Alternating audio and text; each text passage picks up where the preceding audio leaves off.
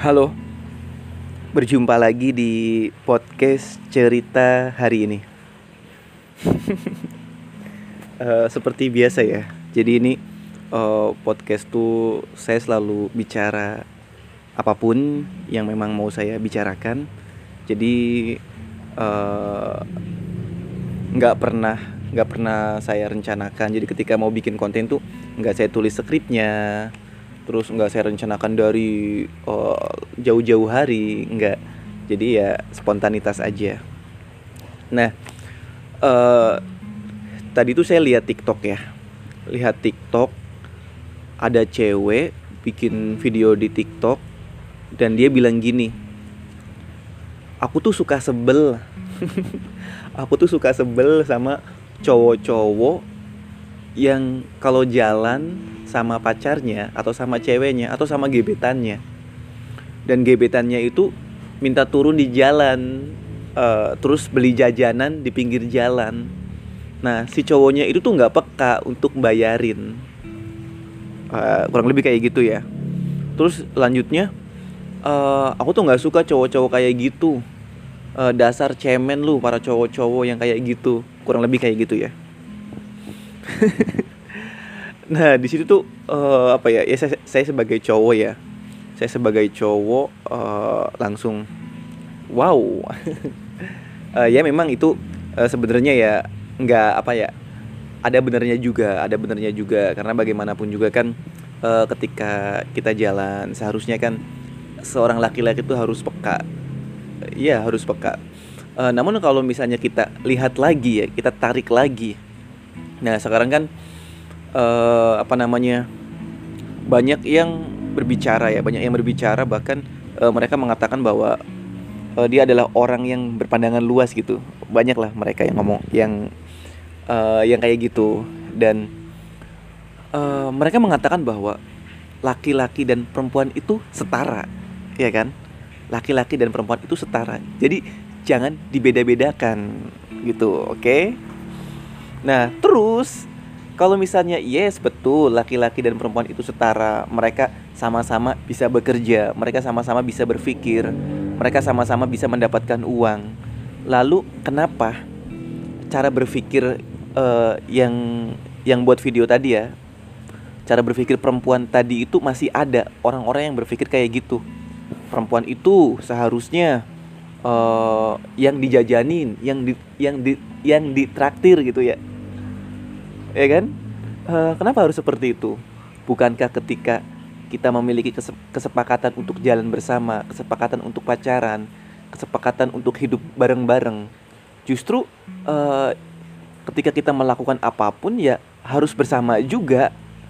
Uh, kita hidup kita saling mencintai. Kenapa harus kamu yang dijajanin? Ya kan harus saling ada ya. Oke kalau misalkan si laki-lakinya lagi ada gitu si perempuannya lagi nggak ada mungkin bisa si laki-lakinya yang bayar gitu ya. Nah tetapi kalau misalnya si cowoknya nggak ada duit gimana? Si cowoknya itu kan nganterin ngajak jalan kamu ya ke mall misal. Ngajak jalan ke kamu ngajak jalan kamu ke mall uh, beliin tuh sesuatu yang kamu mau. Dari rumah dia tuh udah menghitung uangnya. Nah setelah pulang ke rumah setelah jalan pulang itu uangnya habis gitu eh tiba-tiba kamu minta AA gitu ya. E, berhenti dulu aku mau beli jajan gitu. Kamu berharap untuk ditraktir gitu dibayarin gitu. E, kamu nggak berpikir bahwa laki-laki itu uangnya habis. Jangan-jangan laki itu laki-laki itu uangnya nanti digunakan untuk bensin. Kamu nggak berpikir ke situ. Uh, iya uh, jadi seharusnya ya harus gantian gitu. Nah jadi kadang-kadang uh, saya tuh heran. Kayak misalkan uh, ada orang yang menggaung-gaungkan ya. Bahwa perempuan itu setara. Laki-laki dan perempuan itu setara. Yes saya setuju dengan itu. Saya setuju dengan itu.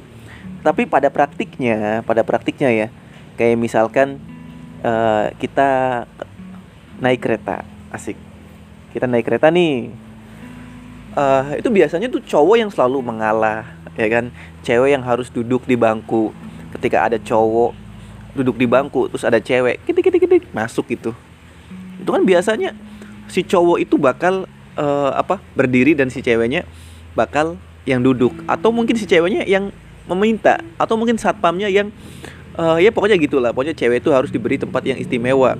Ketika ada masalah segala macam cewek itu harus yang paling uh, punya tempat yang lebih nyaman. Yes dari situ uh, ya saya setuju. Karena bagaimanapun juga kan kita tidak menafikan bahwa laki-laki memiliki fisik yang lebih kuat. Ya meskipun memang banyak perempuan yang fisiknya lebih kuat dari laki-laki. Cuman pada umumnya laki-laki fisiknya lebih kuat daripada perempuan. Ya mungkin iya. Tapi kalau misalnya kita tarik lagi si apa namanya perempuan itu eh, komplain untuk kesetaraannya. Nah itu kesetaraan yang seperti apa ya kan? Saya setuju dengan konsep kesetaraan laki-laki dan uh, perempuan tapi kesetaraan yang seperti apa? Soalnya kan kita hidup di bumi ya kita hidup bersosialis bersosialisasi. Itu kan memiliki aturan-aturannya ya kan? Apalagi dalam agama. Kan ada yang uh, ketika bicara agama itu mereka tuh langsung ilfil gitu. Misalnya misalnya nih ya saya uh, ngomong sesuatu atau berargumen dan saya bawa-bawa agama itu banyak mereka-mereka itu yang ilfil Padahal mereka juga beragama, tapi banyak yang ilfil. Kenapa? E, karena banyak banget yang stigma bahwa e, agama itu malah diperuntukkan untuk hal-hal yang tidak baik. E, agama itu kadang e, apa ya? Dalil-dalil agama itu ada atau muncul itu digunakan untuk kepuasan-kepuasan e, pribadi sang pembawa dalil itu. Yes, memang ada, ada beberapa. Tapi kan uh, itu hanya segelintir gitu ya. Hanya segelintir namun pada hakikatnya aturan agama yang sebenarnya itu jauh-jauh melampaui itu bahkan sangat penting untuk kita terapkan. Kayak dari konsep kesetaraan antara laki-laki dan perempuan. Kayak misalnya nih ya ini saya nggak tahu salah atau benar ya. Uh, kenapa sih ketika bagi waris kok perempuan lebih sedikit gitu? Nah akhirnya kan si perempuan itu nggak setuju. Wah ini ini nggak adil ini nggak adil. Tapi kan ketika kita telisir lagi ya kita ketika tarik lagi oh ternyata laki-laki itu di dalam keluarga lebih banyak uh, lebih banyak mengambil beban Be bebannya itu lebih banyak daripada perempuan. Nah makanya kenapa agama uh, memberi aturan yang seperti itu. Nah dan itu adil yang sebenarnya. Jadi adil itu bukan berarti dibagi sama rata. Iya enggak teman-teman? Adil itu bukan berarti dibagi sama rata No. Tapi adil itu adalah Sebaiknya bagaimana Seharusnya seperti apa. Jadi yang paling baik itu Kamu mendapatkan berapa Dan dia mendapatkan berapa. Dan uh, kita lihat juga sesuai dengan kebutuhannya. Itu kalau misalnya kita lihat di uh, Konsep bagi waris itu ya. Nah terus oh aku tuh nggak setuju masa sih perempuan yang harus nyetrika? Kenapa perempuan yang harus ngurusin anak? Uh, ya memang kadang saya juga nggak setuju gitu. Kalau misalnya perempuan oh, suruh nyuci suruh apa sedangkan laki-lakinya kerja pulang kerja pulang. Ya karena bagaimanapun juga akhirnya perempuan yang lebih berat. Uh, tapi kalau misalnya ada perempuan yang memang nggak nggak mau banget kayak gitu ya nggak mau megang megang uh, dia cuma fokus kerja doang ya memang nggak salah. Cuman kan kalau misalnya kita lihat lagi ya uh, perempuan itu kan menyusui sehingga akhirnya perempuan ya mau nggak mau harus uh, lebih banyak waktu terhadap anak. Jadi kadang-kadang adil uh, keadilan bagi kita kita harus menyadari kita harus peka terhadap diri kita sendiri. Asik. Ini malah apa namanya malah malah uh, melebar ya. Tadi kan masalah TikTok ya. Iya uh, terus ada lagi nih apa namanya saya baca ya. Uh, pokoknya kamu kalau misalkan main di TikTok di Instagram Facebook itu tuh bakal menemukan hal-hal yang menarik. Uh, bukan menarik ya mungkin miris gitu ya. Kok ada gitu orang-orang yang kayak gitu. Kayak uh, tadi juga saya nemuin tuh ada orang yang posting. Ada yang posting dan postingannya itu mengancam. Jadi dia itu sebagai seorang perempuan perempuan yang uh, kerjaannya itu open BO ya kalian tahu lah open BO itu apa.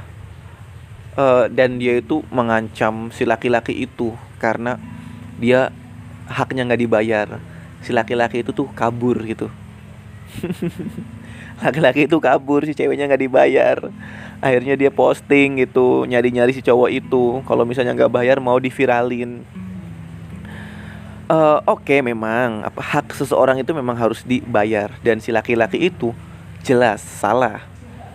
Tapi apakah tindakan dia benar untuk memviralkan si laki-laki tersebut? Yes memang apa namanya mungkin harus ada hukuman gitu ya. Harus ada hukuman dan lain-lain. Itu betul ya kan? Tapi kalau misalnya kita lihat lagi ke depan, kita uh, berpikir yang lebih jauh gitu ya. Yang lebih jauh kita mikir lagi nih, yang lebih jauh gitu. Kalau misalkan si laki-laki itu kita viralin sama si perempuan itu diviralin, uh, nanti yang kena sanksi sosial, yang dihukum, apakah cuma laki-laki itu saja? Kan enggak. Kita nggak berpikir ya. Kalau misalnya kita memviralkan si uh, suami apa namanya si laki-laki itu kita nggak berpikir bahwa mungkin dia punya anak dan istri ya kan mungkin dia punya anak dan istri dan yang menjadi korbannya itu bukan hanya si laki-laki itu tapi mungkin nanti istrinya akan sangat malu istrinya akan mengalami trauma yang berkepanjangan begitupun anaknya nanti anaknya akhirnya nggak percaya diri dia akan merasa jijik terhadap bapaknya jadi akan menghancurkan satu keluarga. Bukan hanya si laki-laki itu. Nah, kita nggak berpikir ke situ ya. Toh, uh, saya percaya ya. Kalau misalkan ada orang yang tidak uh, apa ya, yang nggak berbuat baik terhadap kita, pasti akan ada balasannya yang setimpal dan dan itu pasti uh, apa ya? Saya percaya itu. Ketika orang yang berbuat buruk pasti akan dihukum dengan setimpal. Itu pasti. Nah, uh, terus saya juga apa ya melihat bahwa menilai bahwa memangnya si perempuan itu nggak malu ya perempuan itu nggak malu uh, nge-share dirinya seorang uh, pekerja kayak gitu ya pekerja seks gitu. Ya kan? Jadi uh, apa ya? Ya memang itu hak dia meskipun ya kita nggak bisa menafikan bahwa itu tuh uh, ya dilarang oleh agama. Cuman kita nggak bisa menghakimi dia kenapa dia uh, apa harus terjun ke dunia itu. Ya itu hak dia lah. Ya meskipun kalau misalkan uh, itu teman kita ya kita harus eh, bareng-bareng cari solusi ya. Tapi kalau misalnya orang-orang kayak gitu kadang memang ya udah itu udah jalannya kadang ya kita nggak bisa. Uh, begini loh yang saya sayangkan itu kenapa dia mesti nge-share ya kan? Meminta haknya.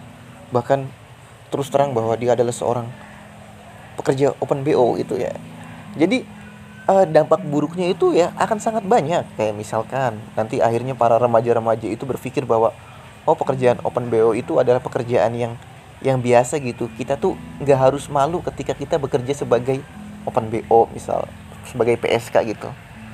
Dan itu bisa merusak generasi bangsa negara agama asik.